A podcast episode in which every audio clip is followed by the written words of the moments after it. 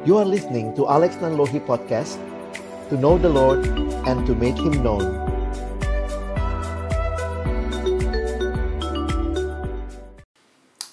Mari kita berdoa Benar ya Tuhan di tengah-tengah hiruk pikuknya dunia ini, kami rindu senantiasa bersekutu denganmu. Kerinduan kami kiranya malam hari ini Tuhan puaskan. Ketika kami sama-sama akan membuka firman-Mu, bukalah juga hati kami. Jadikanlah hati kami seperti tanah yang baik.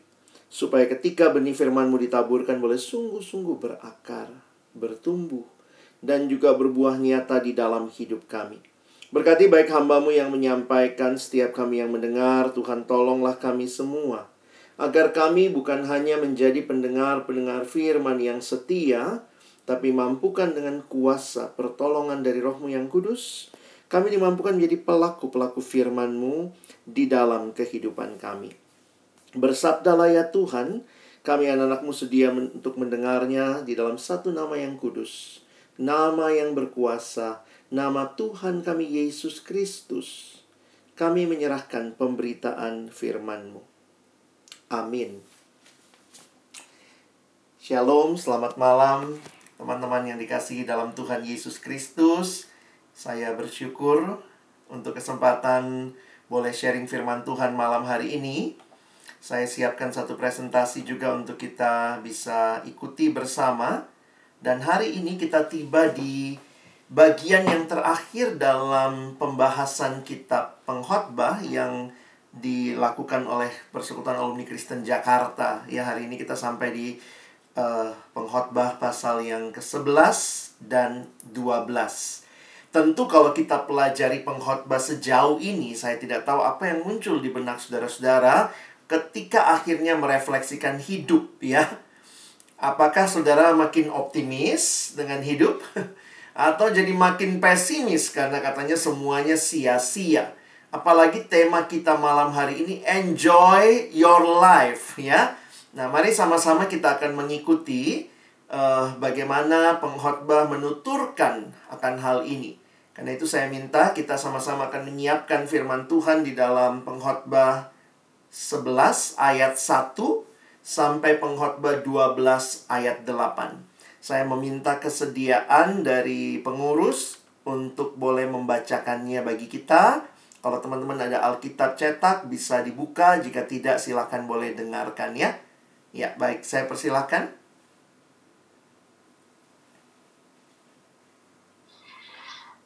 Oke, baik Bang, saya bacakan pasal 11-nya ya Bang. Pengkhotbah pasal 11, pedoman-pedoman hikmat. Lemparkanlah rotimu ke air, maka engkau akan mendapatnya kembali lama setelah itu. Berikanlah bagian kepada tujuh, bahkan kepada delapan orang, karena engkau tidak tahu malapetaka apa yang akan terjadi di atas bumi. Bila awan-awan sarat mengandung hujan, maka hujan itu dicurahkannya ke atas bumi. Dan bila pohon tumbang ke selatan atau ke utara, di tempat pohon itu jatuh, di situ ia tinggal terletak. Siapa senantiasa memperhatikan angin tidak akan menabur, dan siapa senantiasa melihat awan tidak akan menuai.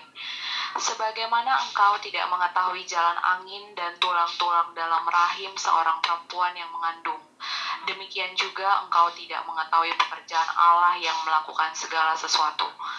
Taburkanlah benihmu pagi-pagi hari, dan janganlah memberi istirahat kepada tanganmu pada petang hari, karena engkau tidak mengetahui apakah ini atau itu yang akan berhasil, atau kedua-duanya sama baik. Terang itu menyenangkan dan melihat matahari itu baik bagi mata. Oleh sebab itu, jikalau orang panjang umurnya, biarlah ia bersuka cita di dalamnya tetapi hendaklah ia ingat akan hari-hari yang gelap, karena banyak jumlahnya. Segala sesuatu yang datang adalah kesia-siaan. Nasihat bagi pemuda-pemudi. Bersukarialah hai pemuda dalam kemudaanmu. Biarlah hatimu bersuka pada masa mudamu. Dan turutilah keinginan hatimu dan pandangan matamu. Tetapi ketahuilah bahwa karena segala hal ini Allah akan membawa engkau ke pengadilan Buanglah kesedihan dari hatimu dan jauhkanlah penderitaan dari tubuhmu. Karena kemudahan dan fajar hidup adalah kesia-siaan.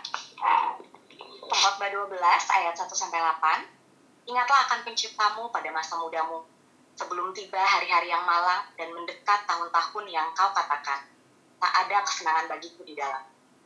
Sebelum matahari dan terang, bulan dan bintang-bintang menjadi gelap, dan awan-awan datang kembali sesudah hujan. Pada waktu penjaga-penjaga rumah gemetar, dan orang-orang kuat membungkuk, dan perempuan-perempuan penggiling berhenti karena berkurang jumlahnya. Dan yang melihat dari jendela semuanya menjadi kabur. Dan pintu-pintu di tepi jalan tertutup, dan bunyi penggilingan menjadi lemah, dan suara menjadi seperti kicauan burung, dan semua penyanyi perempuan tunduk. Juga orang menjadi takut tinggi dan ketakutan ada di jalan. Pohon badam berbunga, belalang menyeret dirinya dengan susah payah, dan nafsu makan tak dapat dibangkitkan lagi. Karena manusia pergi ke rumahnya yang kekal dan peratapan peratap-peratap berkeliaran di jalan.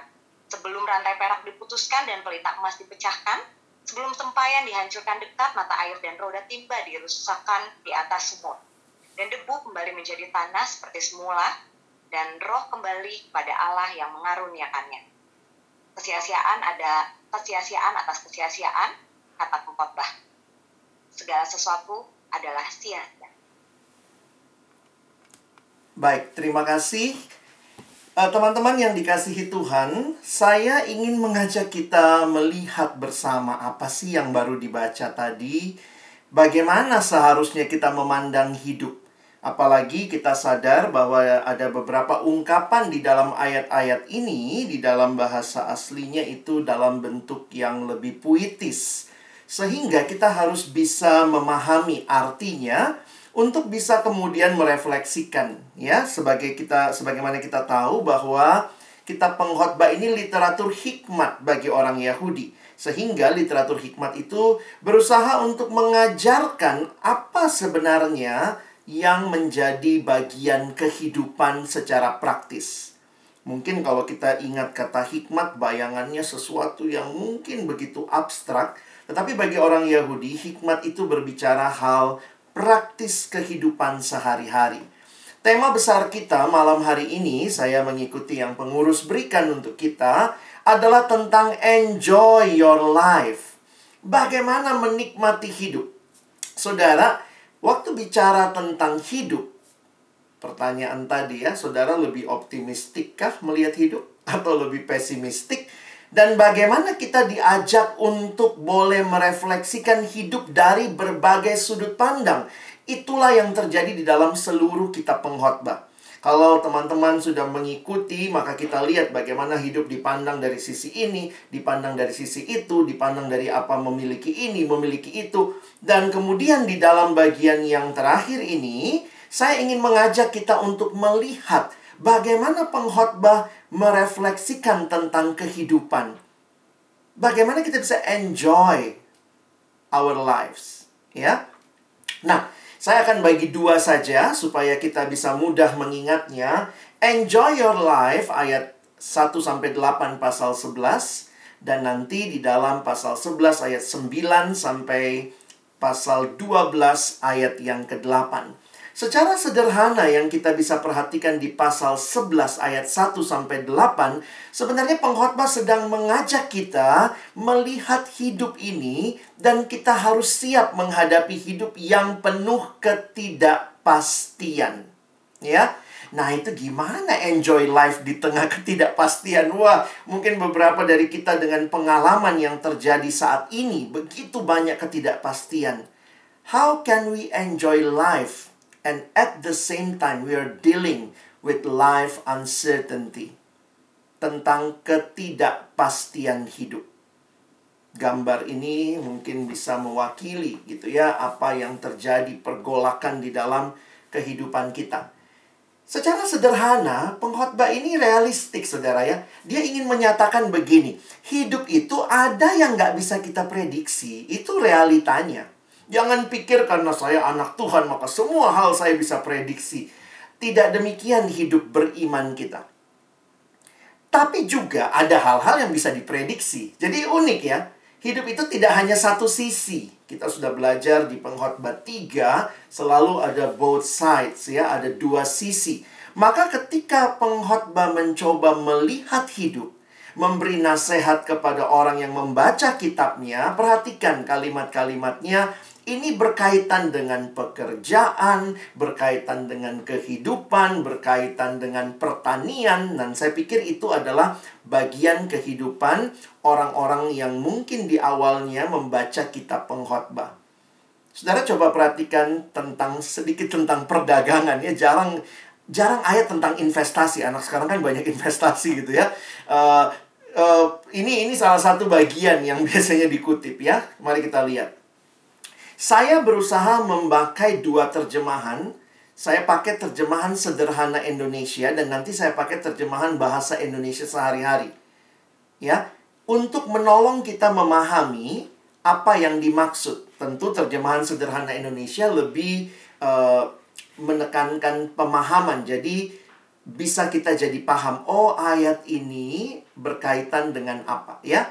Jadi bayangkan saudara ya, lemparkan rotimu ke air, ada yang pernah lempar roti ke air, maka engkau akan mendapatnya kembali lama setelah itu. Kenapa ada nasihat model begini? Kira-kira apa yang disampaikan? Di dalam terjemahan sederhana Indonesia ditafsirkan juga sedikit di dalamnya, juallah hasil panenmu ke negeri asing, karena sesudah beberapa waktu kamu akan menerima keuntungannya. Tetapi sadar betul bahwa tetap kita nggak bisa memprediksi kan. Lalu yang kedua, Berikanlah bahagian kepada tujuh bahkan kepada delapan orang.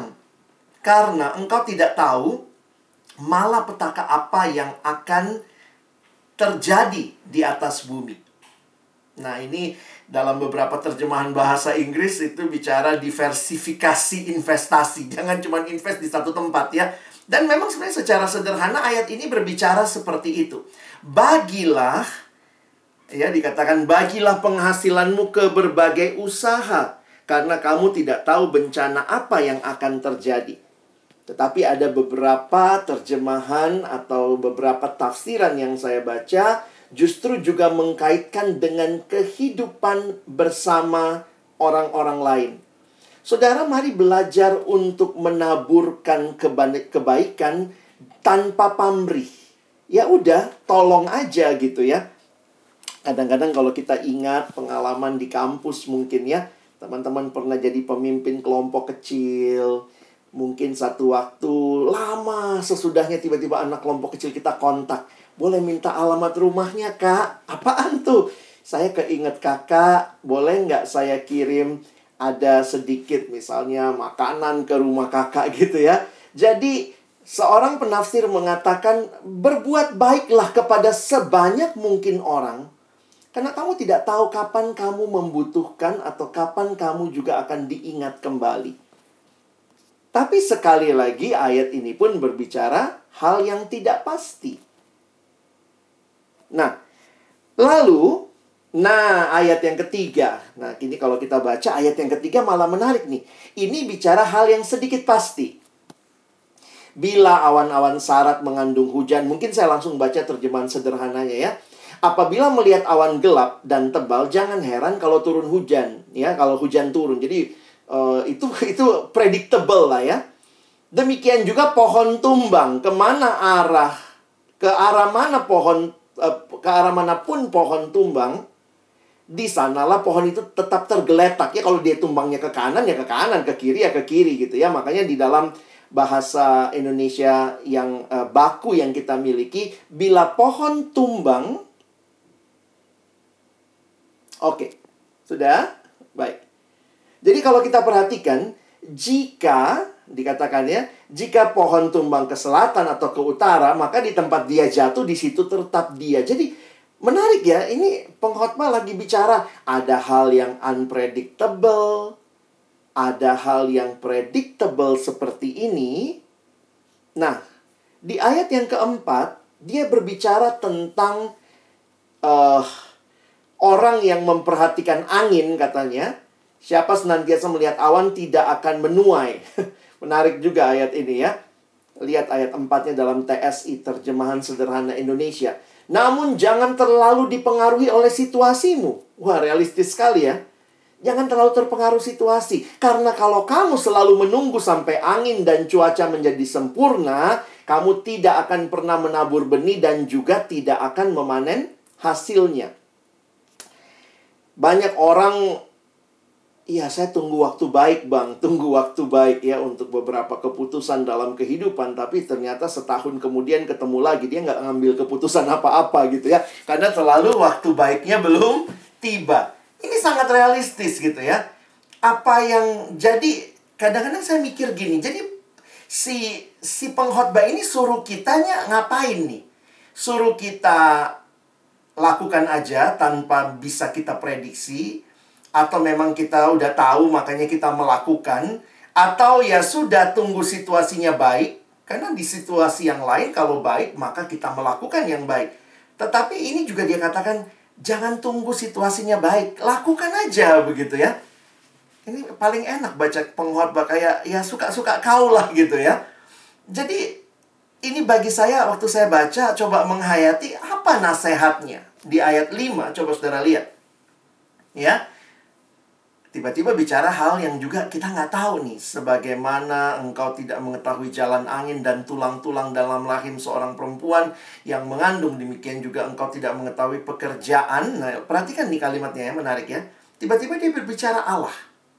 Engkau tidak mengetahui pekerjaan-pekerjaan Allah yang melakukan segala sesuatu.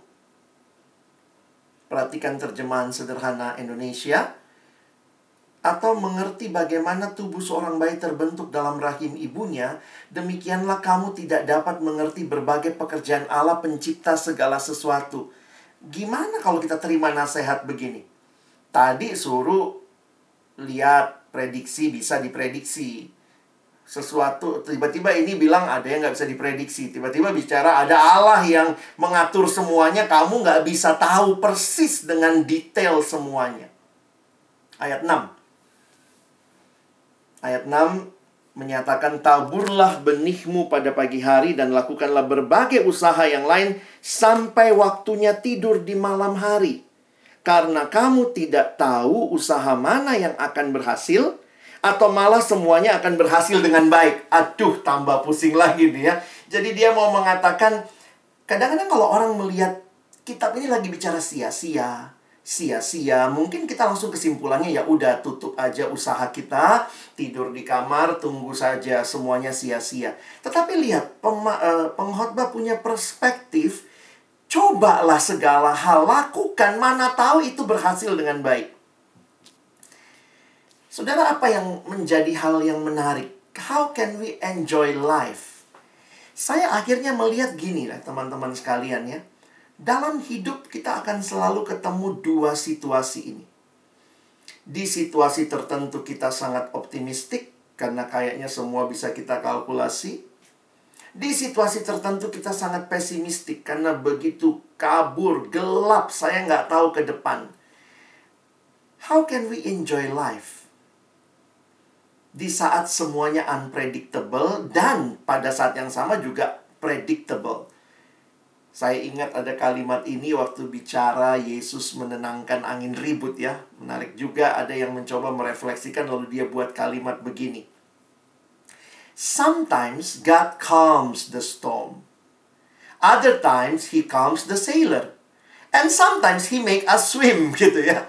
Jadi pertanyaannya Tuhan yang mana yang akan kau lakukan? Di dalam bagian ini Kenapa kehadiran Tuhan jadi penting? Saudara di tengah-tengah hidup yang tidak pasti, menunggu yang belum tentu kita bisa prediksi hasilnya, maupun hal-hal yang bisa kita prediksi, usaha yang kita tahu ini pasti berjalan, atau usaha yang waktu kita coba pun kita nggak tahu berjalan atau tidak. Dan pengkhotbah katakan lakukan aja semuanya, nanti kamu lihat yang mana yang berhasil, apa perspektif hidup yang ingin dia berikan bahwa life must go on. Bersama Tuhan, kita bisa enjoy life karena kita tahu bukan kita yang pegang kontrol akan segala sesuatu. Kalau tunggu waktu yang pas, Nah, ini dalam bahasa Inggris dikatakan waiting for perfect condition will mean inactivity. Kalau tunggu waktu pas itu nggak bakal bergerak, saudara. Dan ini juga penting untuk hidup spiritual kita, ya. This is practical insight. This practical insight is especially applicable to our spiritual life. Saya kutip dari Alkitab uh, Life Application Bible. Dia bilang gini ya, if we wait for the perfect time and place for personal Bible reading, kalau kita tunggu tempat yang pas, waktu yang pas, kadang jangan-jangan kita nggak jadi baca-baca Alkitab gitu ya. We will never begin. If we wait for a perfect church, we we will never join. Kita nggak bakal ke, ke gereja ini kayaknya jelek nih pendetanya nggak bagus nih gereja ini aduh toiletnya jelek banget ke sini akhirnya nggak pernah bergereja juga gitu ya kalau offline misalnya if we wait for the perfect ministry we will never serve jadi bagaimana melihat hidup lihatlah hidup di dalam pimpinan Tuhan dan belajarlah mengambil keputusan di dalam berbagai situasi itu. Take steps now ya to grow spiritually. Don't wait for condition that may never exist. Kita nggak bisa nunggu tuh apa yang akan terjadi. Nah, saudara yang dikasihi Tuhan, saya ingin mengajak kita melihat hidup lebih realistis. Bahwa di dalam hidup kita harus mengambil keputusan. Dan keputusan-keputusan itu kita belum tentu bisa menjaminnya pasti ini yang berhasil atau mungkin kalau pakai bahasa kita orang Kristen ya ini kehendak Tuhan saya yakin banget misalnya gitu ya tapi apakah kemudian kita nggak punya keyakinan sama sekali terhadap berbagai hal yang kita ambil dalam hidup saya pikir tidak dipimpin Tuhan itu bukan dikasih apa ya petunjuk yang detail semua. Kadang-kadang kan kalau kita saya layani anak siswa, anak mahasiswa tuh pengennya gitu ya. Aku pengen tahu bang, Tuhan mau apa dalam hidupku? Kadang-kadang juga nanya sama dia, Tuhan mau apa? Beberapa yang mau pilih jurusan SMA gitu ya, atau masuk kuliah, bang Tuhan mau apa sih buat hidupku? Aku pengen tahu apa yang Tuhan kehendaki. Itu saya tanya, kamu rajin baca Alkitab nggak dek? Nah itulah bang masalahnya. Lagi sibuk nih kelas 12. Sibuk nggak ada sempat baca Alkitab. Saudara, don't say God is silent with your Bible closed. Jangan ngomong Tuhan diam dengan Alkitab kita yang tertutup. Saya mencoba mengajak kita melihat dipimpin Tuhan itu, Tuhan tidak menyatakan langsung semuanya dalam hidup indahnya dipimpin Tuhan itu karena dipimpin. Menarik memperhatikan kalau saya mengalegorikan sedikit ya, firmanmu pelita bagi kakiku, terang bagi jalanku. Kenapa Tuhan nggak bilang ya firmanmu adalah lampu sorot bagi kakiku? Kadang-kadang kita pengen tahu ujungnya apa Tuhan. Saya jadi merit sama dia nggak? Wah pengennya gitu ya ujungnya kalau anak SMA tuh saya pengen tahu saya masuk kuliah apa, saya nanti kerja di mana, nanti saya merit sama siapa, anak saya berapa. Apa apa indahnya lagi hidup kalau udah gitu saudara ya. Semua udah ketahuan, mungkin mungkin saudara udah nggak butuh Tuhan lagi, nggak butuh doa lagi, nggak butuh bergantung lagi, nggak butuh berelasi, ketemu dia, ah udah pasti kawin kita nanti gitu ya. Saya pikir life is not like that. Inilah yang dikatakan pengkhotbah sehingga dia mengatakan ada Tuhan di situasi-situasi yang tidak sanggup kita kontrol. Kebergantungan kepada Tuhan menjadi hal mutlak bagi kita yang hidup di dalam dunia yang serba tidak pasti ini. Bahkan hal-hal yang sangat pasti pun kita tetap harus melihat. Bukan kita yang sanggup mengontrol segalanya. Saudara bisa enjoy life Saudara bisa tidur tenang ketika saudara tahu ada yang pegang hidupmu. Yang bikin kita nggak bisa tidur itu, nggak enjoy life, karena kita yang mau ngontrol semuanya. Ada yang bilang, tapi itulah bang, itulah perencanaan, betul. Tapi jangan-jangan saudara mau jadi Tuhan. Saudara bukan menjadi orang yang merencanakan. Saudara mau menjadi orang yang memutuskan, menentukan, dan Tuhan cukup ikut yang saudara mau. Tapi di sisi lain sebaliknya gini juga saudara ya. Kadang-kadang teologi kita, pengenalan kita akan Tuhan juga nggak utuh. Sehingga kita berusaha melihat Tuhan berdasarkan kondisi kita. Itu juga nggak benar. Jadi jangan-jangan kita nggak enjoy life karena teologi kita salah. Saya kasih contoh begini ya. Ya, saya sering kali dipang, dipim, dipanggil untuk pimpin uh, kebaktian, persiapan ujian nasional untuk anak SMA ya. Jadi waktu datang ke sekolah terus khotbah gitu ya. Nah, beberapa kali saya tanya sama mereka. Adik-adik, ini waktu dulu masih ujian nasional sangat menentukan ya. Saya tanya sama mereka, kalau Tuhan, kalau kalian lulus ujian nasional, Tuhan baik? Semua jawab, baik. Gampang sekali jawabnya. Kalau kalian tidak lulus ujian nasional, Tuhan baik? Nah, mbak, tak langsung terbata-bata. Di dalam berbagai hal yang tidak pasti, sering kali kita pikir Tuhan itu juga berubah-ubah.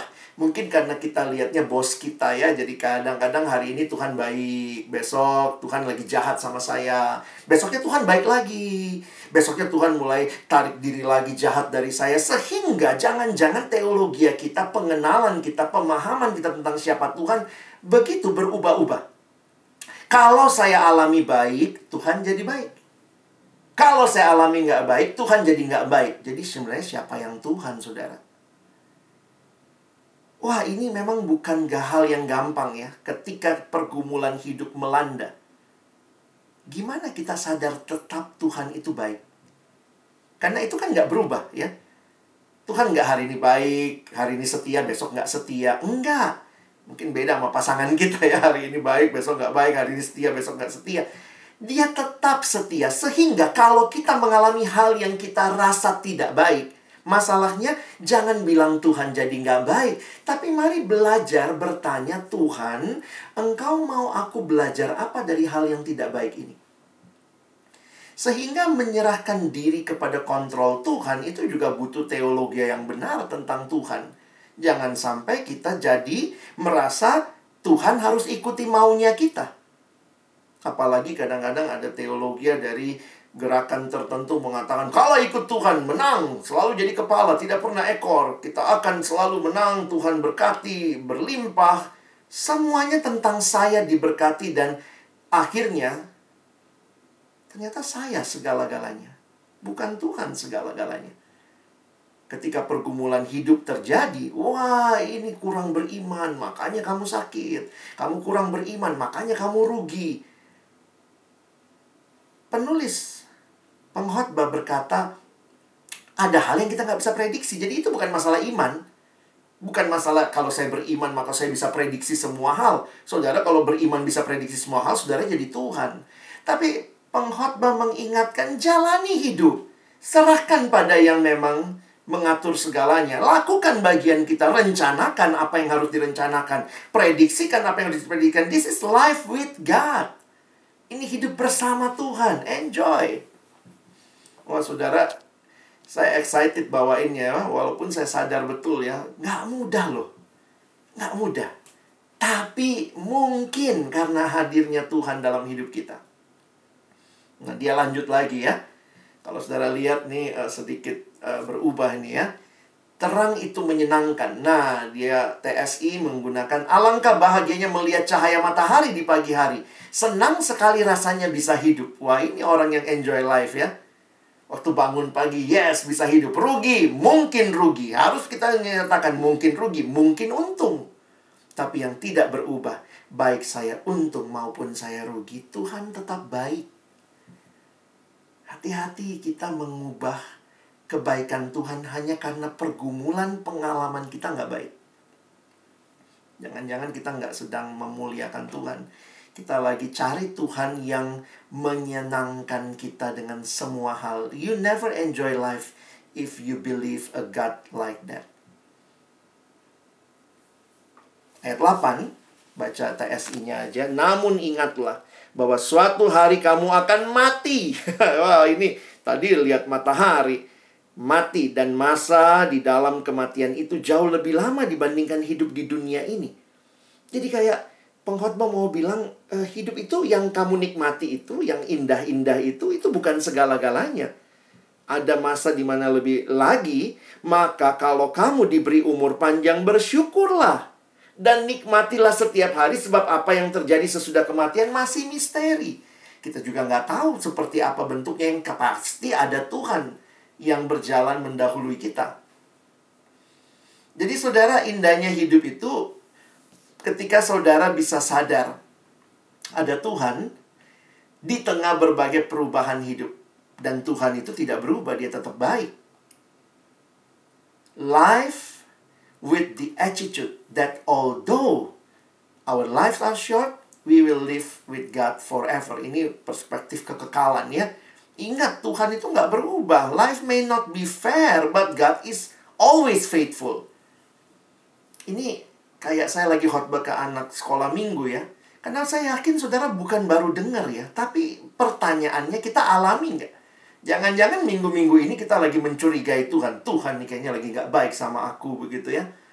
Hanya karena perubahan-perubahan yang kita alami dalam hidup. Pengkhotbah sangat realistis. Saya mengutip kalimat dari Paul Tripp dalam bukunya Paul Tripp sebenarnya menuliskan bahwa hati-hati kita punya berhala kontrol.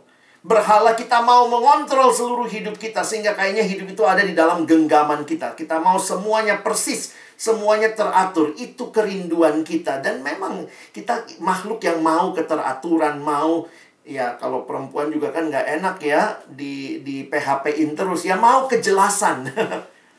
Tapi kejelasan dalam hidup itu apa? Ada hal-hal yang kita bisa sadari kita nggak jelas gitu. Makanya kalimatnya menarik sekali ya. Coba renungkan saudara ya. Screenshot kalau perlu. Your rest. Kamu bisa tenang, bisa istirahat. Your rest is not to be found in figuring your life out. But in trusting the one who has it all figured out for your good and his glory. Ketenangan kita bukan karena kita tahu seluruh detailnya apa yang akan terjadi, kita figure out our life, tetapi percaya kepada Dia yang sudah memegang semuanya bagi kebaikanmu, tapi juga bagi kemuliaannya. Saudara, we can enjoy life when we know there is God. And you will never enjoy life if you're only live on your own kamu mikir semua sendiri, atur semua sendiri, prediksi semua sendiri. Betul, mungkin berjalan, mungkin berhasil itu kata pengkhotbah. Tapi ada Tuhan. Ingatlah selalu di tengah-tengah segala perubahan yang terjadi ada Allah yang tidak berubah dan selalu hadir bagi umatnya. Wah, kalimat ini bagi saya sangat menghiburkan. Saya bukannya tidak takut dengan kehidupan, tetapi saya bisa lebih menghadapinya dengan berbesar hati dan bersandar kepada Tuhan. Saudara, pelayanan di mahasiswa ini ya saya sudah masuk tahun yang ke-20 sekian lah ya, pelayanan di mahasiswa, di siswa, di perkantas. Kadang-kadang berpikir uh, lihat ada alumni yang berhasil di satu masa. Wah, kayak pelayanan di generasi ini berbuah lebat. Ada generasi yang kayaknya drop begitu ya. Kadang-kadang kalau kita hanya mendasarkan hidup dan pelayanan kita hanya dari hasil, dari situasi, saudara, wah kita udah mundur ya. Kalau saudara juga melihat hidup itu hanya satu momentum, hati-hati. Karena kita hanya bisa memotret hidup tapi Tuhan tidak hanya memotret, dia tahu segala-galanya. Kita kadang-kadang memotret hidup ya kita senangnya situasi-situasi menyenangkannya. Wah enak, and ini enjoy, ini enjoy. Tapi we can enjoy life even in a very dark moment karena kita percaya ada Tuhan. Ya. Jadi kesia-siaan ketika semua itu tanpa Tuhan. Saya pikir sederhana sekali kitab ini ya. Lihat hidupmu Lihat di mana Tuhan di hidupmu. Itulah hidup yang sesungguhnya. Bagian yang kedua, how can we enjoy life? Pasal 11 ayat 9 sampai 12 ayat 8. Nah, di dalam bagian ini kalau Saudara perhatikan, Secara sederhana, maka uh, pengkhotbah sedang mengkaitkan hidup dengan terbatasnya waktu hidup. Ya. Kalau tadi dia melihat uh, bagaimana enjoy life di tengah-tengah ketidakpastian, tapi juga ada kepastian.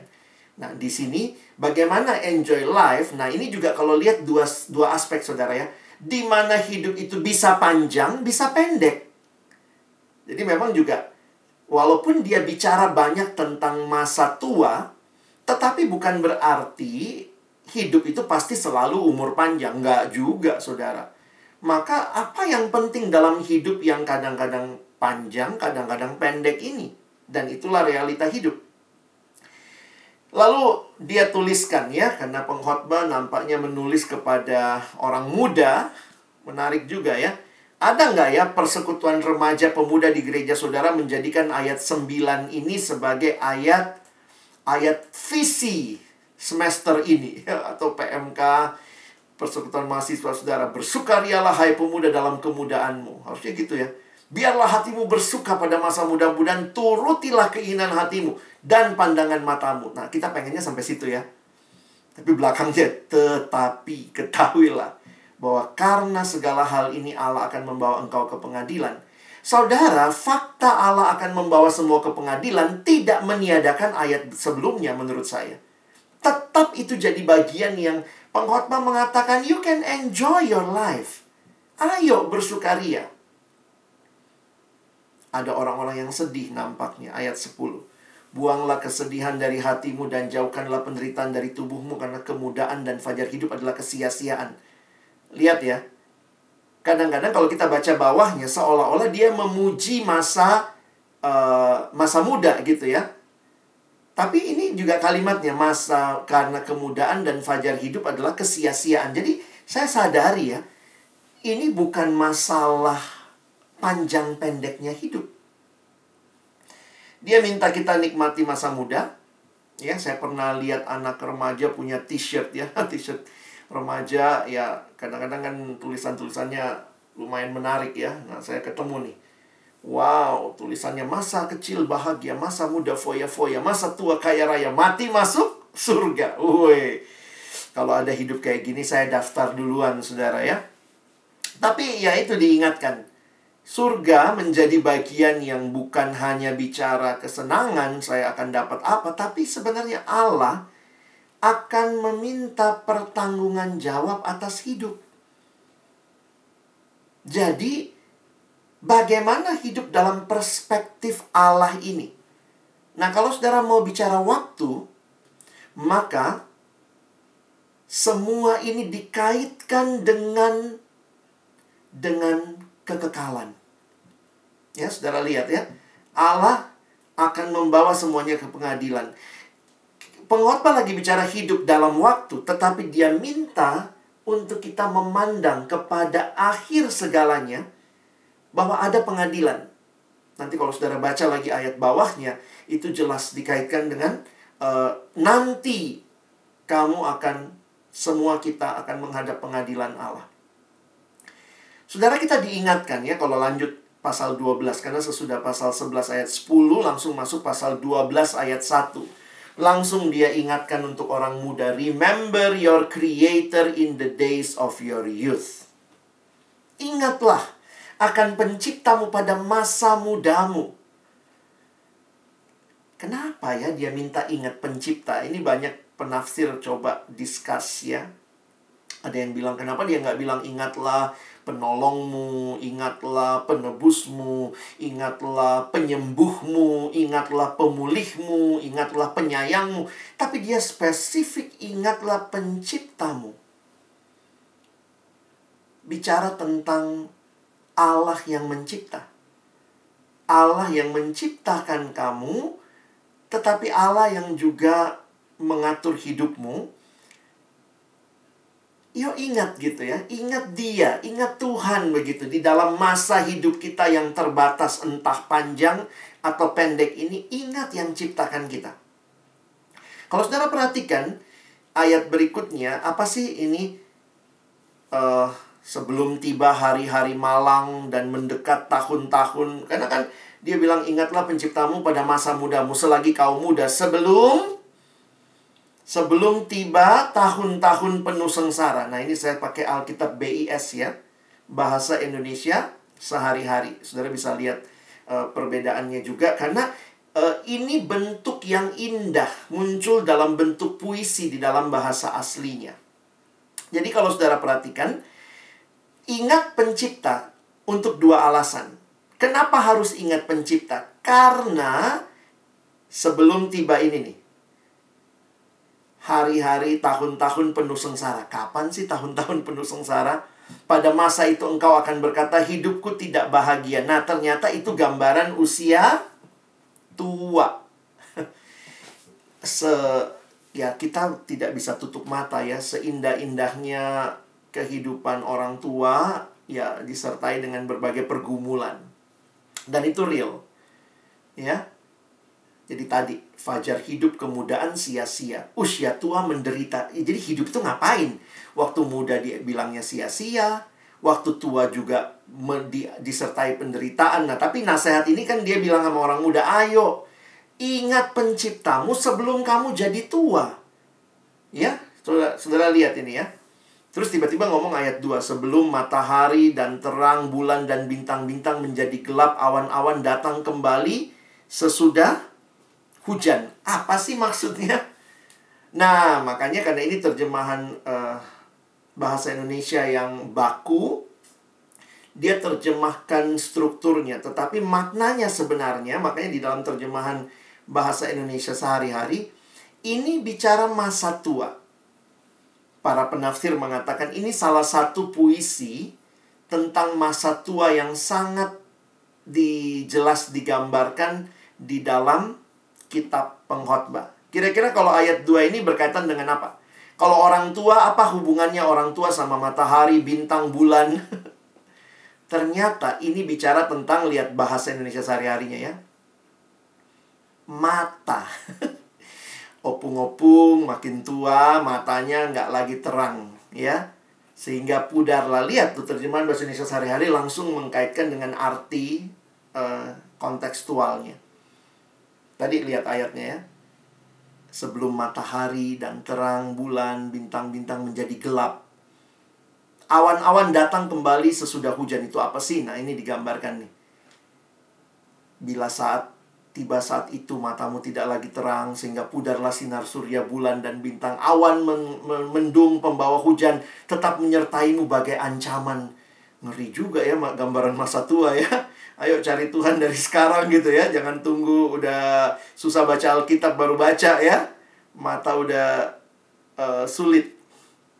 Apalagi tentang orang tua ayat 3. Ini terjemahan bahasa Indonesia-nya ya. Uh, terjemahan uh, barunya. Pada waktu penjaga-penjaga rumah gemetar, apa sih penjaga rumah gemetar? Dan orang-orang kuat membungkuk. Perempuan-perempuan penggiling, siapa pula itu katanya ya? Perempuan penggiling berhenti karena berkurang jumlahnya dan melihat dari jendela semuanya menjadi kabur. Ini semua adalah gambaran figuratif dari organ-organ atau bagian tubuh. Ayo, ada yang mau nebak-nebak nggak? Penjaga rumah gemetar itu apa? Yang biasanya gemetar kalau orang tua apa? Opung-opung itu kan kadang-kadang nggak pakai mode vibrate, vibrate sendiri gitu ya. ah, yang getar itu tangan, lengan. lengan ya. Iya, betul. Nah, coba lihat ini. Terus kalau apa? Eh orang kuat membungkuk. Nah, itu semua berbagai. Coba lihat terjemahannya ya. Lenganmu gemetar dan tidak lagi memberi perlindungan. Kakimu yang kekar akan tanpa kekuatan. Perempuan-perempuan itu gigi ternyata saudara ya. Coba lihat perempuan-perempuan ya. Saya balik nih ayatnya nih. Perempuan-perempuan penggiling. Ya elah, gigi ternyata ya. Gigimu tidak lengkap untuk mengunyah makanan. Matamu kabur sehingga menyuramkan pandangan. Jadi bayangkan ya, pengkhotbah bilang, ingat penciptamu pada masa mudamu. Itu satu ayat di ayat satu. Lalu di bawahnya dia jelasin, sebelum tiba ini semua.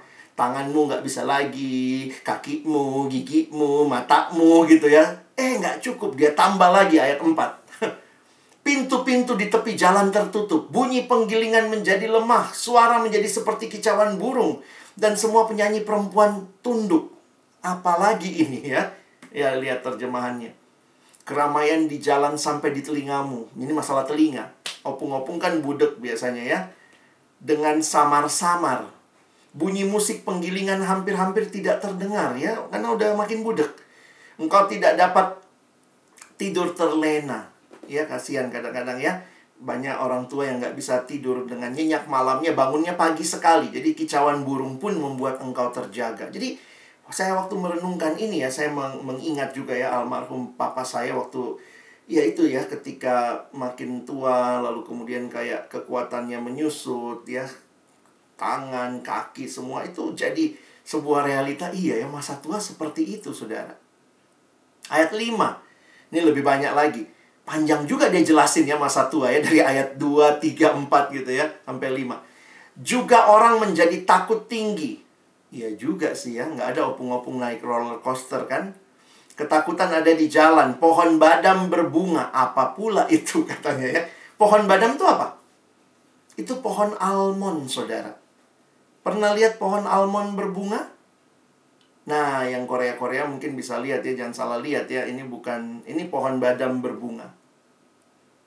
Pohon badam itu kalau dia berbunga, putih semua. Ya, jadi ini tentang apa tuh? Pohon badam berbunga. Belalang menyeret diri karena susah payah. Dan nafsu makan tak dapat dibangkitkan lagi. Jadi itu gambaran masa tua. Kita lihat terjemahannya ya. Engkau takut mendaki ke tempat yang tinggi dan harus berjalan dengan hati-hati, rambutmu beruban. Nah, itu pohon almond tadi ya, pohon badam. Kakimu kau seret waktu berjalan ya, pakai tongkat dulu belalang ngopung itu ya, lompat-lompat ngapain waktu masih muda nggak apa-apa, sekarang udah susah. Maka hilanglah segala hasrat dan keinginan. Beberapa terjemahan mengkaitkan hasratnya kalau terjemahan Indonesia tadi bicara nafsu makan, tapi beberapa mengkaitkan juga dengan nafsu seksual. Kita menuju ke tempat tinggal kita yang penghabisan. Orang-orang berkabung dan meratap di sepanjang jalan. Ingat penciptamu sebelum kamu tua. Ingat penciptamu. Tapi tidak berhenti sampai situ. Tiga ayat terakhir. Ingat penciptamu. Bukan cuma sebelum kamu tua. Tetapi sebelum kematian jemput kita. Ayat 6 sampai 8 bicara tentang kematian. Lihat gambaran rantai perak diputuskan, pelita emas dipecahkan, tempayan dihancurkan, roda timba rusak. Debu kembali menjadi tanah seperti semula dan roh kembali kepada Allah yang mengaruniakannya. Terjemahan sederhana Indonesia saudara bisa baca sendiri. Apa yang diingatkan kepada kita? Kalau kita tanya apa lagi bang arti hidup? Apa sih arti hidup kalau kita seperti itu? Can you enjoy life when you know waktu muda kita kadang-kadang careless, kita waktu muda kadang-kadang fajar muda itu kesia-siaan, kamu nggak memilih yang Tuhan mau, masa tua juga nggak indah-indah banget, sudah banyak sakit penyakitnya. Di ayat 8 dia simpulkan kesia-siaan atas kesia-siaan kata pengkhotbah segala sesuatu adalah sia-sia. Saudara, waktu pertama ini kalau kita baca baik-baik ya, ini kan bergema di sepanjang kitab pengkhotbah. Kalau saudara baca dari pasal 1, pertama kali muncul sia-sia itu di pasal 1 ayat 2. Kesia-siaan belaka. Kalau saudara baru baca pengkhotbah, begitu baca, baru di ayat 2 langsung bilang sia-sia belaka, pasti saudara bilang, aduh ngapain ya. Tapi ketika saudara baca semua dan sampai di pasal 12, kesimpulannya sia-sia. Saya pikir saudara punya pengertian yang lain. Karena saudara sudah baca penjelasan-penjelasan dia. Dia mulai tanpa penjelasan, langsung baca, langsung sia-sia. Dan ini muncul 30 kali. Saya yakin kalau saudara membacanya, ikut PAKJ dengan teratur. Melihat di pasal yang terakhir ini dia bicara sia-sia maka saudara bisa memaknai apa sih yang sedang dibicarakan. Beberapa terjemahan pun berusaha menangkap, jadi nggak gampang loh terjemahan kata sia-sia. Terjemahan kita pakai kata sia-sia memberi kesan bahwa pengkhotbah pesimis dengan hidup. sepertinya sia-sia. NIV agak beda. NIV lebih berbicara kepada meaningless. Jadi tekanannya pada makna kehidupan. Karena sebenarnya bahasa aslinya itu sangat kaya, mengandung semuanya. Saudara tahu apa arti kata sia-sia? Itu harafiahnya hembusan nafas. Jadi sia-sia itu apa? Sia-sia itu begini. Itulah hidup manusia. Waktu saudara tarik, lalu saudara lepas. Itulah hidup sia-sia seperti uap. Tetapi saya senang dengan penjelasan ini. Berkaitan dengan sia-sia, berkaitan dengan makna hidup, tetapi pengkhotbah nampaknya menegaskan bahwa segala sesuatu seperti hembusan nafas berada di luar kontrol manusia. Seperti semua karunia Tuhan, segala sesuatu datang dan pergi menurut waktu yang ditetapkannya, sekaligus mengingatkan keterbatasan manusia dalam hidupnya. Hidup itu apa? Bisa dinikmati karena apa? Karena panjangnya hidup? Atau karena singkatnya hidup? Hidup bisa dinikmati karena pemilik pencipta hidup itu ada dalam hidup kita. Kalau pencipta itu tidak ada dalam hidup kita, maka seberapa lama kita hidup, saudara dan saya tidak nikmati apa-apa. You will never enjoy life. The value of life lies not in the length. Bukan di dalam panjangnya hidup. Tetapi di dalam Tuhan sang pemberi hidup. Kita pengkhotbah memberikan perspektif tentang Allah yang sangat kita butuhkan untuk bisa menghadapi ketidakpastian, bisa menghadapi panjang pendeknya hidup, dan bisa berli melihat hidup dalam perspektif kekekalan. Saudara, bagaimana kita memaknai hidup? Can you enjoy your life? Saya harap ini boleh jadi perenungan kita. Saya tutup dengan beberapa slide ini. Saudara, ada satu lukisan, judulnya Allegory of Prudence. Ditulis atau digambar oleh seniman Venesia abad 16, Titian. Dia berusaha memotret prudence, ya, kebijaksanaan. Dia memotretnya sebagai seorang laki-laki berkepala tiga dan kemudian saudara bisa lihat ini lukisannya ya. Lalu kalau saudara lihat di bawahnya ada tiga hewan juga gitu. Kepala yang pertama adalah kepala orang muda yang menghadap masa depan. Kepala yang kedua adalah orang dewasa yang menatap masa kini. Dan kepala yang ketiga adalah orang tua kepala orang tua bijaksana yang menatap masa lampau. Sebenarnya kalau saudara lihat nanti cari yang lebih jelas gambarnya ya. Di atas kepala mereka ada tulisan dalam bahasa Latin. Di atas kepala mereka kalau saudara gedein mungkin kelihatan tapi sebenarnya itu agak gelap gitu ya. Sorry ya, nggak terlalu kelihatan di tulisan ini. Dalam bahasa Latin tulisannya begini ya. Ex praeteritio Praesens prudenter agitne futura actione deturpet. Saya juga nggak tahu artinya kalau nggak diterjemahin ya. Ini artinya. From the experience of the past and the present acts prudently, less spoiled, less it spoiled future action. Atau bahasa Indonesia-nya, terjemahan bebasnya kira-kira begini. Dari contoh masa lalu, manusia masa kini bertindak bijaksana supaya tidak menghancurkan masa depan. Saya ingat dapat ini waktu saat teduh ODB beberapa tahun lalu ya. Tapi waktu saya renung-renung, baca kitab pengkhotbah, saya pikir ya, ya hidup itu begitu ya. Untuk bijaksana, saudara mesti belajar dari masa lalu, hidupi masa kini, jangan lari dari masa kini ya, dan hadapi masa depan dengan segala hal yang mungkin terjadi. Tapi saya jadi lihat ada satu yang kurang.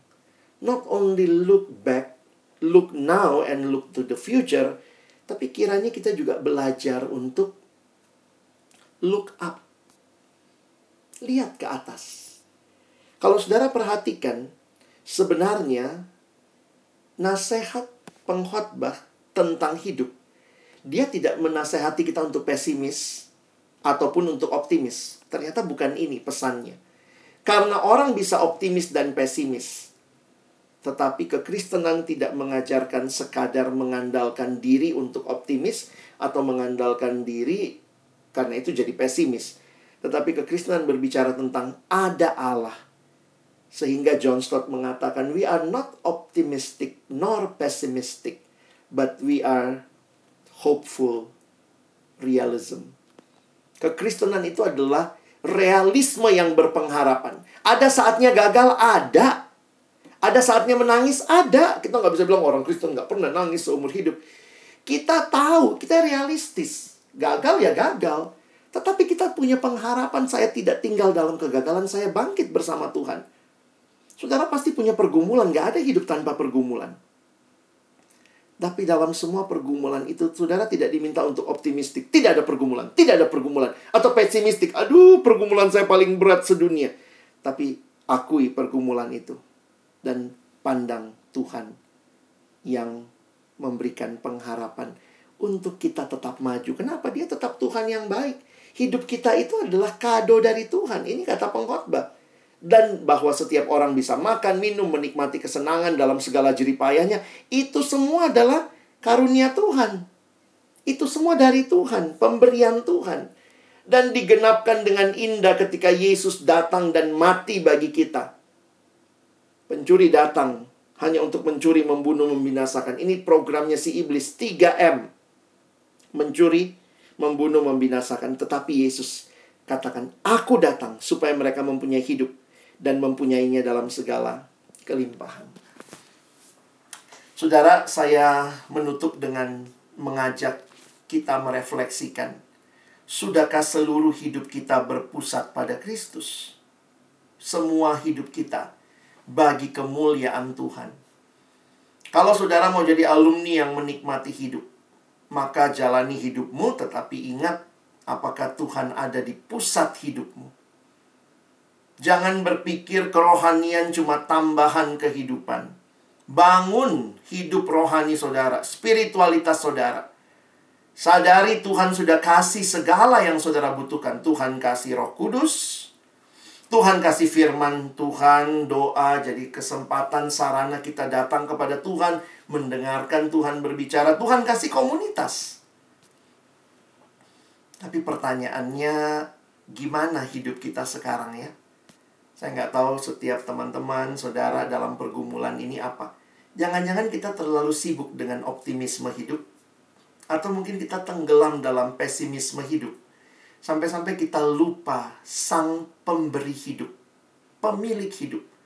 Kalau saudara sedang dalam situasi kerohanian yang tidak berfokus kepada Tuhan, situasi kehidupan yang mungkin juga teologi yang tidak benar, kita sedang mencurigai Tuhan. Kita merasa Tuhan, kok Tuhan tinggalin saya. Mari hari ini kita datang dan melihat Tuhan yang mengasihi kita bahkan menyerahkan dirinya bagi kita. Sehingga saudara bisa enjoy life. Bukan karena tidak ada pergumulan. Kadang-kadang orang pikir enjoy life karena nggak ada pergumulan. Enggak. Kita bisa enjoy life bukan karena nggak ada pergumulan. Tetapi karena di tengah pergumulan ada sang pemberi hidup berjalan bersama kita. Ada sang pencipta bersama kita. Ketika berhasil kita tahu itu pasti karena dia. Ketika gagal kita bertanya, Tuhan mau ajar apa kepada saya? Kalau kita pakai sistem rumah sakit, kira-kira saudara kerohaniannya lagi di mana nih ya? Lagi di lagi di ICU kah?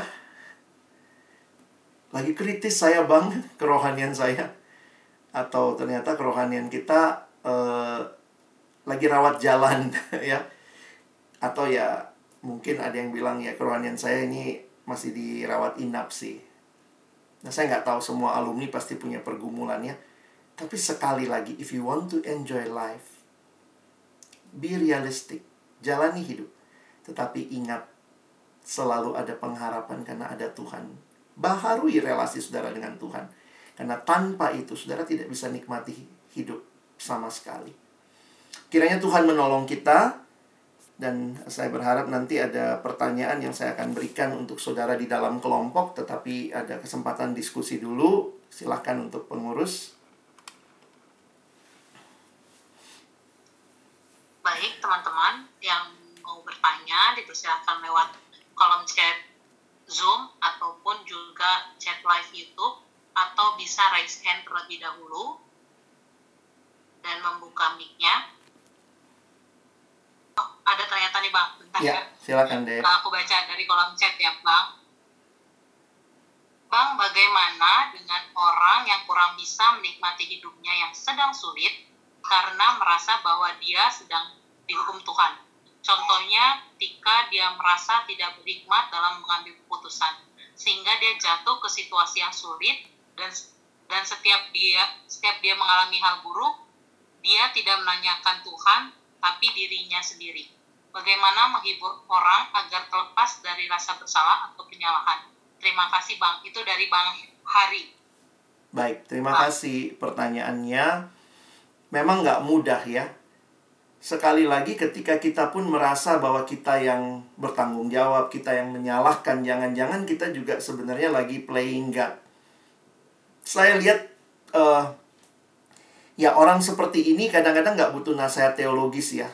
Poin saya adalah coba dampingi, doakan pelan-pelan gitu ya. Eh, jadi mungkin semua pemahaman yang teman-teman dapat malam ini, mari kita belajar untuk bertanya, ngobrol sama dia, mengklarifikasi teologi apa yang dia miliki tentang Allah, kenapa kok dia jadi menyalahkan dirinya, nggak menyerahkan kepada Tuhan. Tapi itulah eh, apa ya pergumulan yang real. Jadi kadang-kadang saya pikir dalam menolongnya ya kita mungkin kehadiran tanpa kita harus memberi nasihat dulu itu penting ya. Ada orang-orang yang datang dengan peduli dengan kondisi dia.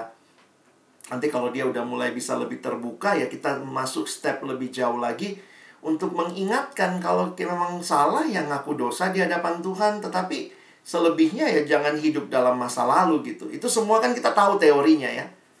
Nah, tapi eh, saya jadi takut juga ya. Yang saya takutnya tuh kalau ternyata banyak banyak orang yang punya pemahaman yang tidak tepat dan dia di di apa dihantui dengan pemahamannya sendiri termasuk masalah yang tadi ya.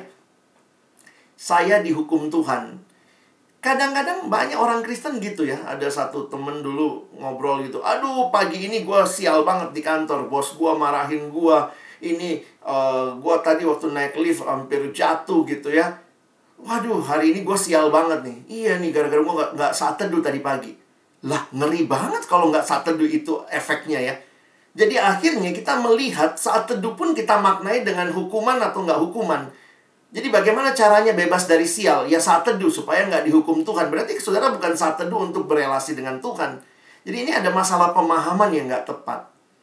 Nah, cuma balik lagi ya untuk orang-orang yang dalam situasi yang sulit, kadang-kadang untuk mengerti pemahaman kita butuh hadir dulu sebelum dia bisa kita tolong melihat kepada pemahaman dia tentang Allah. Kenapa dia melihat Allah menghukum dia? Sisi mana yang Allah menghukum dia? Nah, itu bisa kita tolong dengan ngobrol dengan dia.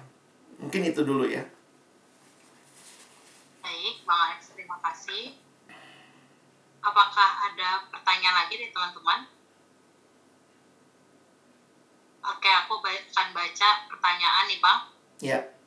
Hal-hal yang dapat dilakukan untuk tetap dapat menikmati hidup di masa duka seperti di masa relasi yang dibangun tidak dapat berjalan lagi.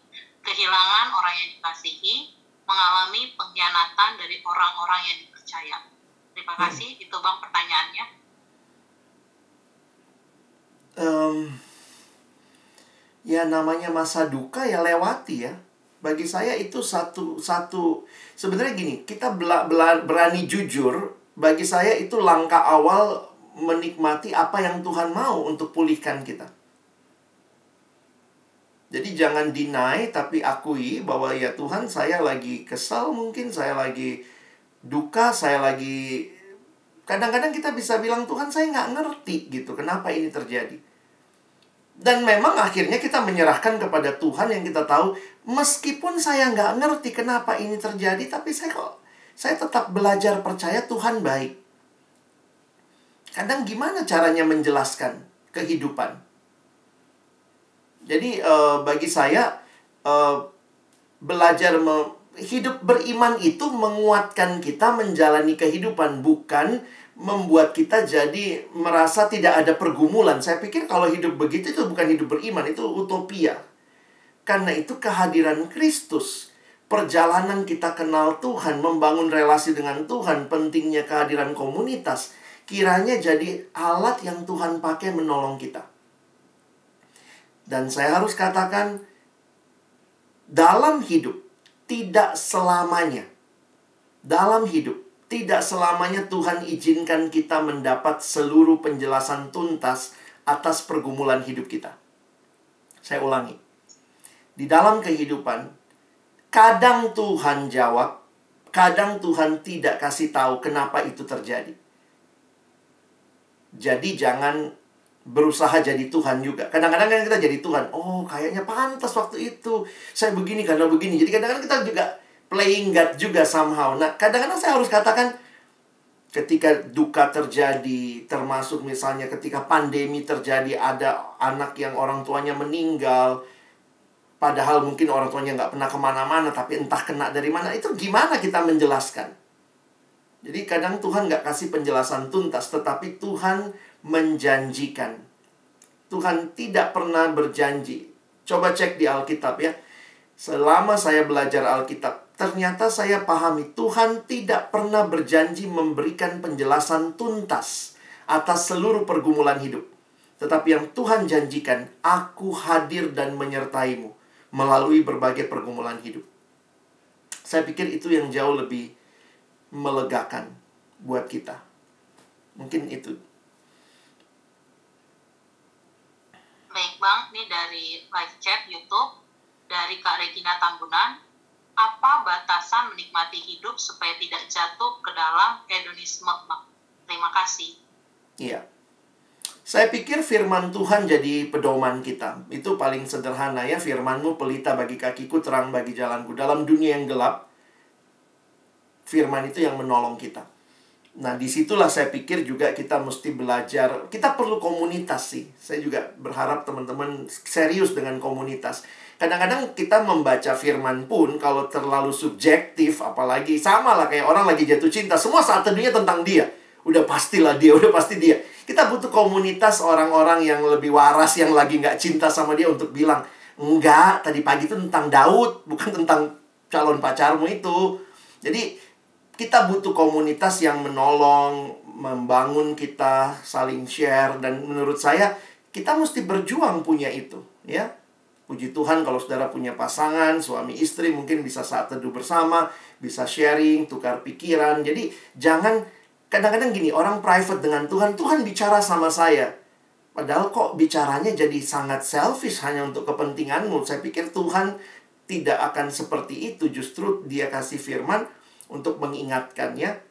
Hati-hati kita kompromi itu kan dikit-dikit bukanya ya. Celahnya kita buka dikit, buka dikit, buka dikit. Lama-lama makin kompromi gitu. Nah, itu yang mesti hati-hati ya.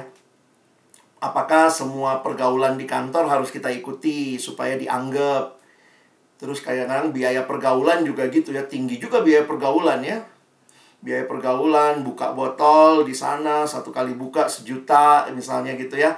Terus kan biasanya, oh nggak apa-apa, minumnya kan uh, ya social drinker aja. Iya, tapi nanti lama-lama kalau kita membiasakan, Nanti akhirnya orang lihat juga, e, kamu punya standar nggak? Begitu kamu berubah, kamu dibully.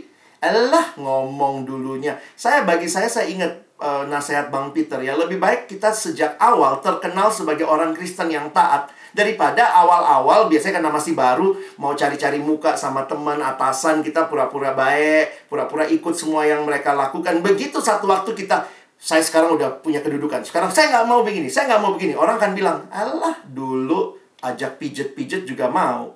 Ah, dulu ajak ini juga mau. Jadi akhirnya orang akan mencibir kita sih. Sebaiknya dari awal, ya udah itu standpointmu. Ini yang saya mau pilih misalnya. Ya perlu itu sih. Baik bang, ini dari ada dari kalau Renza Sihotang. Ya. Bang, bagaimana kita bisa berbagi enjoy my life untuk orang sekitar kita? Yang memang sih kita nggak memaksa orang untuk enjoy di hidupnya tapi di satu sisi terkadang kita juga nggak bisa enjoy our life karena terganggu dengan orang yang tidak menikmati hidupnya terima kasih hmm. bang Iya, kita kita ini makhluk yang relasional ya. Jadi saya pikir sih di satu sisi ya kita juga harus belajar untuk melihat. Kadang-kadang orang-orang yang seperti itu mungkin perlu didengar kali ya. Saya beberapa kali ketemu ada alumni yang dia takut banget, nggak punya investasi, kayaknya hidupnya tuh uh, kayaknya nggak ngumpulin apa-apa gitu ya. Padahal dia udah punya apartemen, udah apa gitu ya. Tapi kayaknya merasa selalu kurang gitu. Nanti kalau gue pensiun gimana? Jadi kadang-kadang uh, di satu sisi kita yang juga mikirin hidup ya, mungkin kita juga mikirin bagaimana punya ini punya itu, tetapi kita bisa men menjelas apa me menunjukkan bahwa hidup yang tanpa itu pun sebenarnya saya saya bahagia. Nah, itu memang butuh percakapan mendalam ya tentang tujuan hidup. Dan kadang-kadang nggak mudah. Ya, nggak mudahnya dalam arti uh, bayangkan ya kita jadi aneh di antara semua orang yang mikirin investasi misalnya kita nggak mikir gitu. Kan bilang bodoh. Atau misalnya semua orang beli tanah kita nggak beli. Langsung rasanya kan kita yang jadi jadi kadang-kadang juga masalah mayoritas minoritas di dalam memilih itu teman-teman ngerti lah ya di kantor gitu ya. Kalau semua lakukan kayaknya jadi benar. Padahal nggak juga nggak apa-apa. Tanpa itu sebenarnya saya juga bisa hidup. Nah sering kali kadang-kadang memang ya kita orang Kristen kan ya nggak mau menghakimi kita diem. Tapi saya lagi berpikir ya please do not just be a trend follower but be a trendsetter. Nah ini mungkin nggak mudah ya. Ya dia jadi trendsetter gitu ya. Yang bisa misalnya uh, bisa memberikan uh, yuk ikut saya.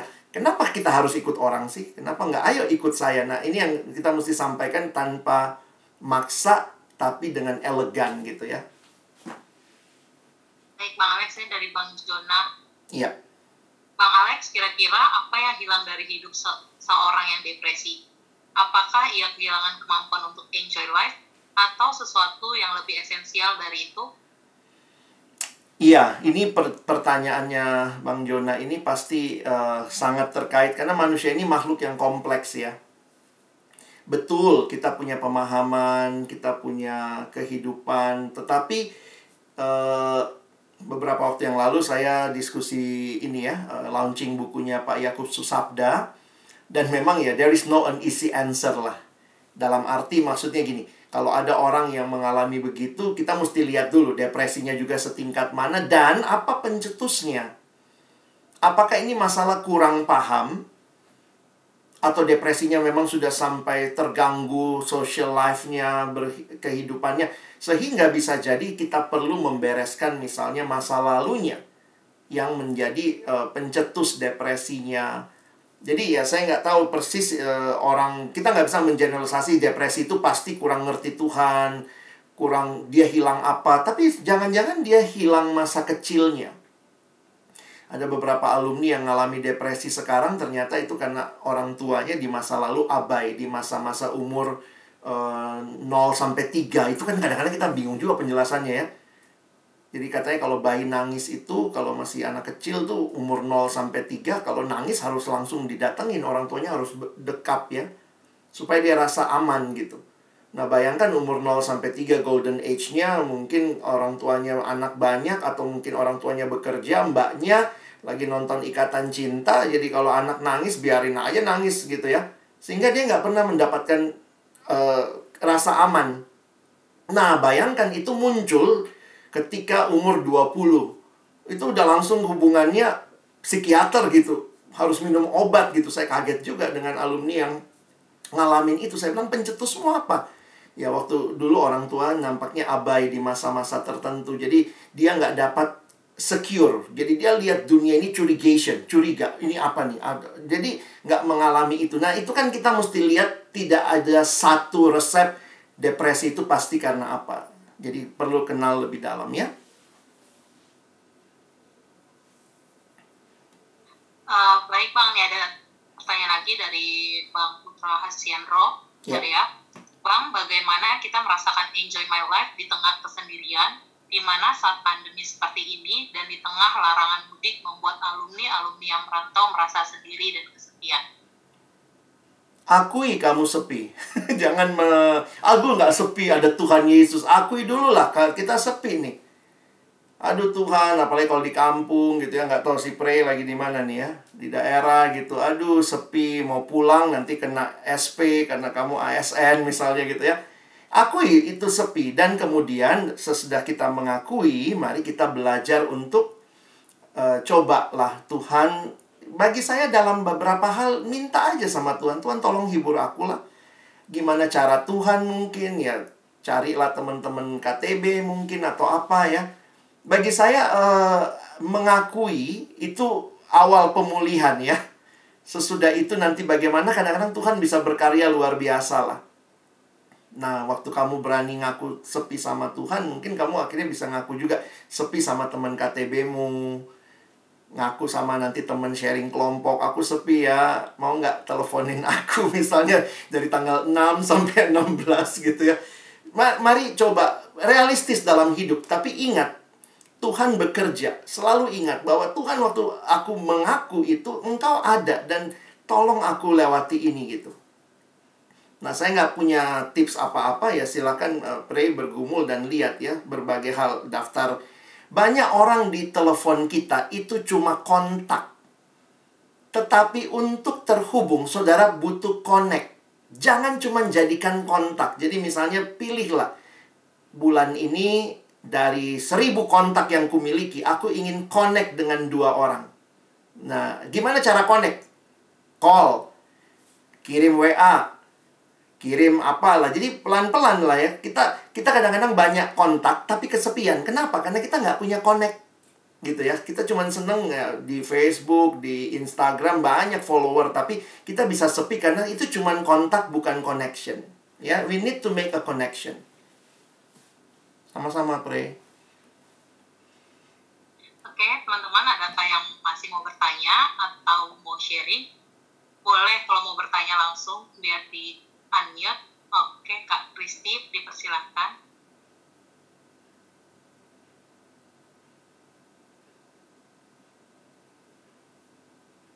Karena Kak Kristi. Selamat malam teman-teman semua. Selamat malam, malam. Bang Alex. Malam. Terima kasih ya Bang untuk firmannya. Mohon maaf saya mau bertanya langsung karena yeah. agak sulit untuk menuliskannya. Iya. Jadi begini loh Bang. Um, jujur saya tipikal orang yang sangat mudah berempati Bang. Oke. Okay. Jadi uh, karena karakter saya yang sangat mudah berempati, biasanya sikap saya yang terjadi itu ada dua gendangnya. Hmm. Yang pertama, saya menjadi terlalu khawatir ketika ada teman, keluarga, atau siapa pun yang men-sharingkan pergumulan mereka, saya hmm. jadi khawatir, cemas. Tapi gendang yang kedua, uh, hasil yang kedua untuk menghindari supaya jangan terlalu itu, jadi saya terkadang juga jadi punya bawaan membatasi diri, Bang. Yeah. Membatasi diri untuk uh, terlibat di dalam kehidupan uh, temankah, keluargakah yang mengalami pergumulan karena kelemahan saya di bagian situ tadi. Yeah. Saya mudah berempati, tapi satu sisi terkadang saya uh, mudah untuk mengurangi depresi mendengarkan dan memikirkan pergumulan teman-teman, keluarga dan segala macamnya. Yeah. Akhirnya saya membatasi diri saya cuma mau nanya langkah konkretnya bagaimana. Kalau biasanya saya langkah konkretnya bang, endingnya memang orang yang bergumul, yeah. keluarga yang bergumul, yang sharing ke saya, itu biasanya akan masuk ke dalam topik doa saya setiap harinya. Yeah.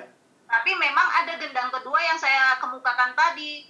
Saya jadi membatasi diri untuk hmm. akhirnya membuat hmm. saya jangan jadi ikutan panik, ikutan bingung sendiri, hmm. jadi ikutan mikirin terus. Jadi saya sih memang saya butuh langkah konkret yang pasti bang. Gimana lah cara kita bersikap?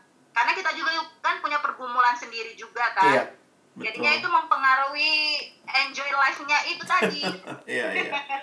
udah mikirin Baik. pergumulan hmm. sendiri mikirin pergumulan teman mikirin pergumulan keluarga kan jadi seperti itu.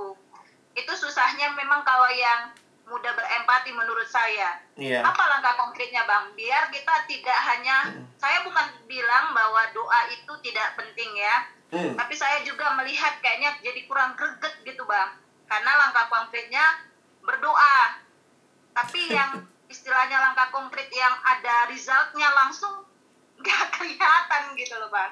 Kira-kira apa lah ya bang yang Iya. solusi yang baik bisa dilakukan? Iya, thank Terima you. kasih, Bang. Sama-sama. Saya baru mau jawab doa. Emang susah ya, doa dianggap kurang pol gitu ya. Tapi sorry ya, Kristi, eh, apa yang kamu lakukan bagi saya itu sudah tepat. Dalam arti ya bagi bagi pergumulan kita kita sadar ya. Makanya kalau teman-teman yang sekolah konseling pun itu harus tidak semua orang bisa jadi konselor. Itu jelas. Bahkan kita punya empati yang besar tapi ternyata kita punya kapasitas jiwa yang atau apa ya? eh, kemampuan untuk mengelola yang kita dengar itu tidak tepat, maka mungkin eh, beberapa teman saya yang sekolah konseling di tengah jalan disuruh ganti jurusan karena kamu nggak tepat jadi konselor. Jadi maksudnya saya harus katakan juga eh, kalau itu memang bagian yang Tuhan percayakan, pasti Tuhan juga akan berikan kemampuan. Saya meyakininya seperti itu. Sehingga, nah di sini bisa banyak banyak eh, ini ya banyak nasihat lah ya. Tapi titik itu adalah sadari bahwa memang ini yang Tuhan berikan. Kalau perlu mungkin ikutlah training konseling dasar itu banyak di mana-mana dibuka yang Kristen juga dan sesudah itu nanti kita harus memutuskan saya ini tepat nggak jadi konselor? Saya sendiri juga berjuang gitu saya empatinya besar tuh kalau ada orang punya pergumulan kadang-kadang ditelepon tengah malam kita ikutan nggak tidur ikutan uring-uringan. Tapi saya waktu jalani kenal diri ternyata bukan itu eh, passion eh, bukan passion lah ya. Tapi saya nggak punya kapasitas yang cukup jiwa saya untuk mela- meladeni eh, hal seperti itu misalnya. Jadi saya pun harus berani mengatakan dan tidak merasa bersalah bahwa ya bukan itu bagian saya. Ketimbang saya bilang itu bagian saya, tapi sebenarnya saya sendiri nggak bisa mengelolanya. Nah, jadi mungkin perlu lebih lanjut, cobalah ikutin training untuk melihat juga apakah memang dirimu tepat atau tidak untuk hal itu. Dan tetap meyakini langkah paling awal doa.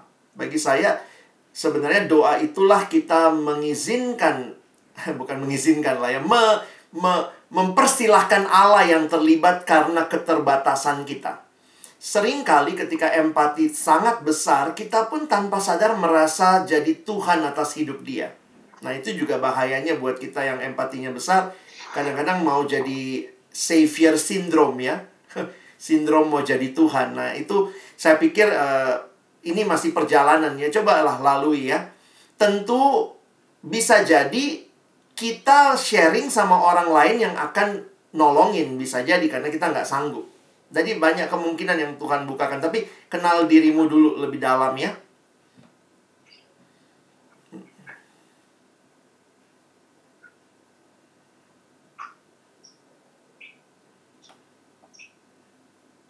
Baik Bang Alex, boleh menutup dalam doa Bang?